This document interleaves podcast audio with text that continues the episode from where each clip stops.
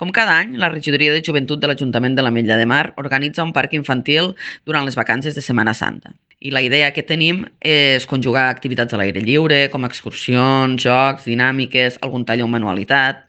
I també ho venim fent aquests últims anys i és una cosa que ens enriqueix molt, que és comptar en la, en la col·laboració de les diferents entitats del poble. I hem tingut l'honor de poder comptar amb el Twirling, el Kempo, la petanca, el teatre, les dones endavant, la batucada, Hachiko i d'altres i enguany també també tindrem la, la col·laboració de diferents entitats del poble. Estem molt contents amb la implicació de les associacions que tenim al nostre poble, ja que de seguida reps una resposta immediata i positiva quan els demanes. Més endavant us desvelaré quines entitats, amb quines entitats podrem comptar este parc de Setmana Santa i veniu, apunteu-se, que han començat les inscripcions i aquesta Setmana Santa vindrà repleta de sorpreses.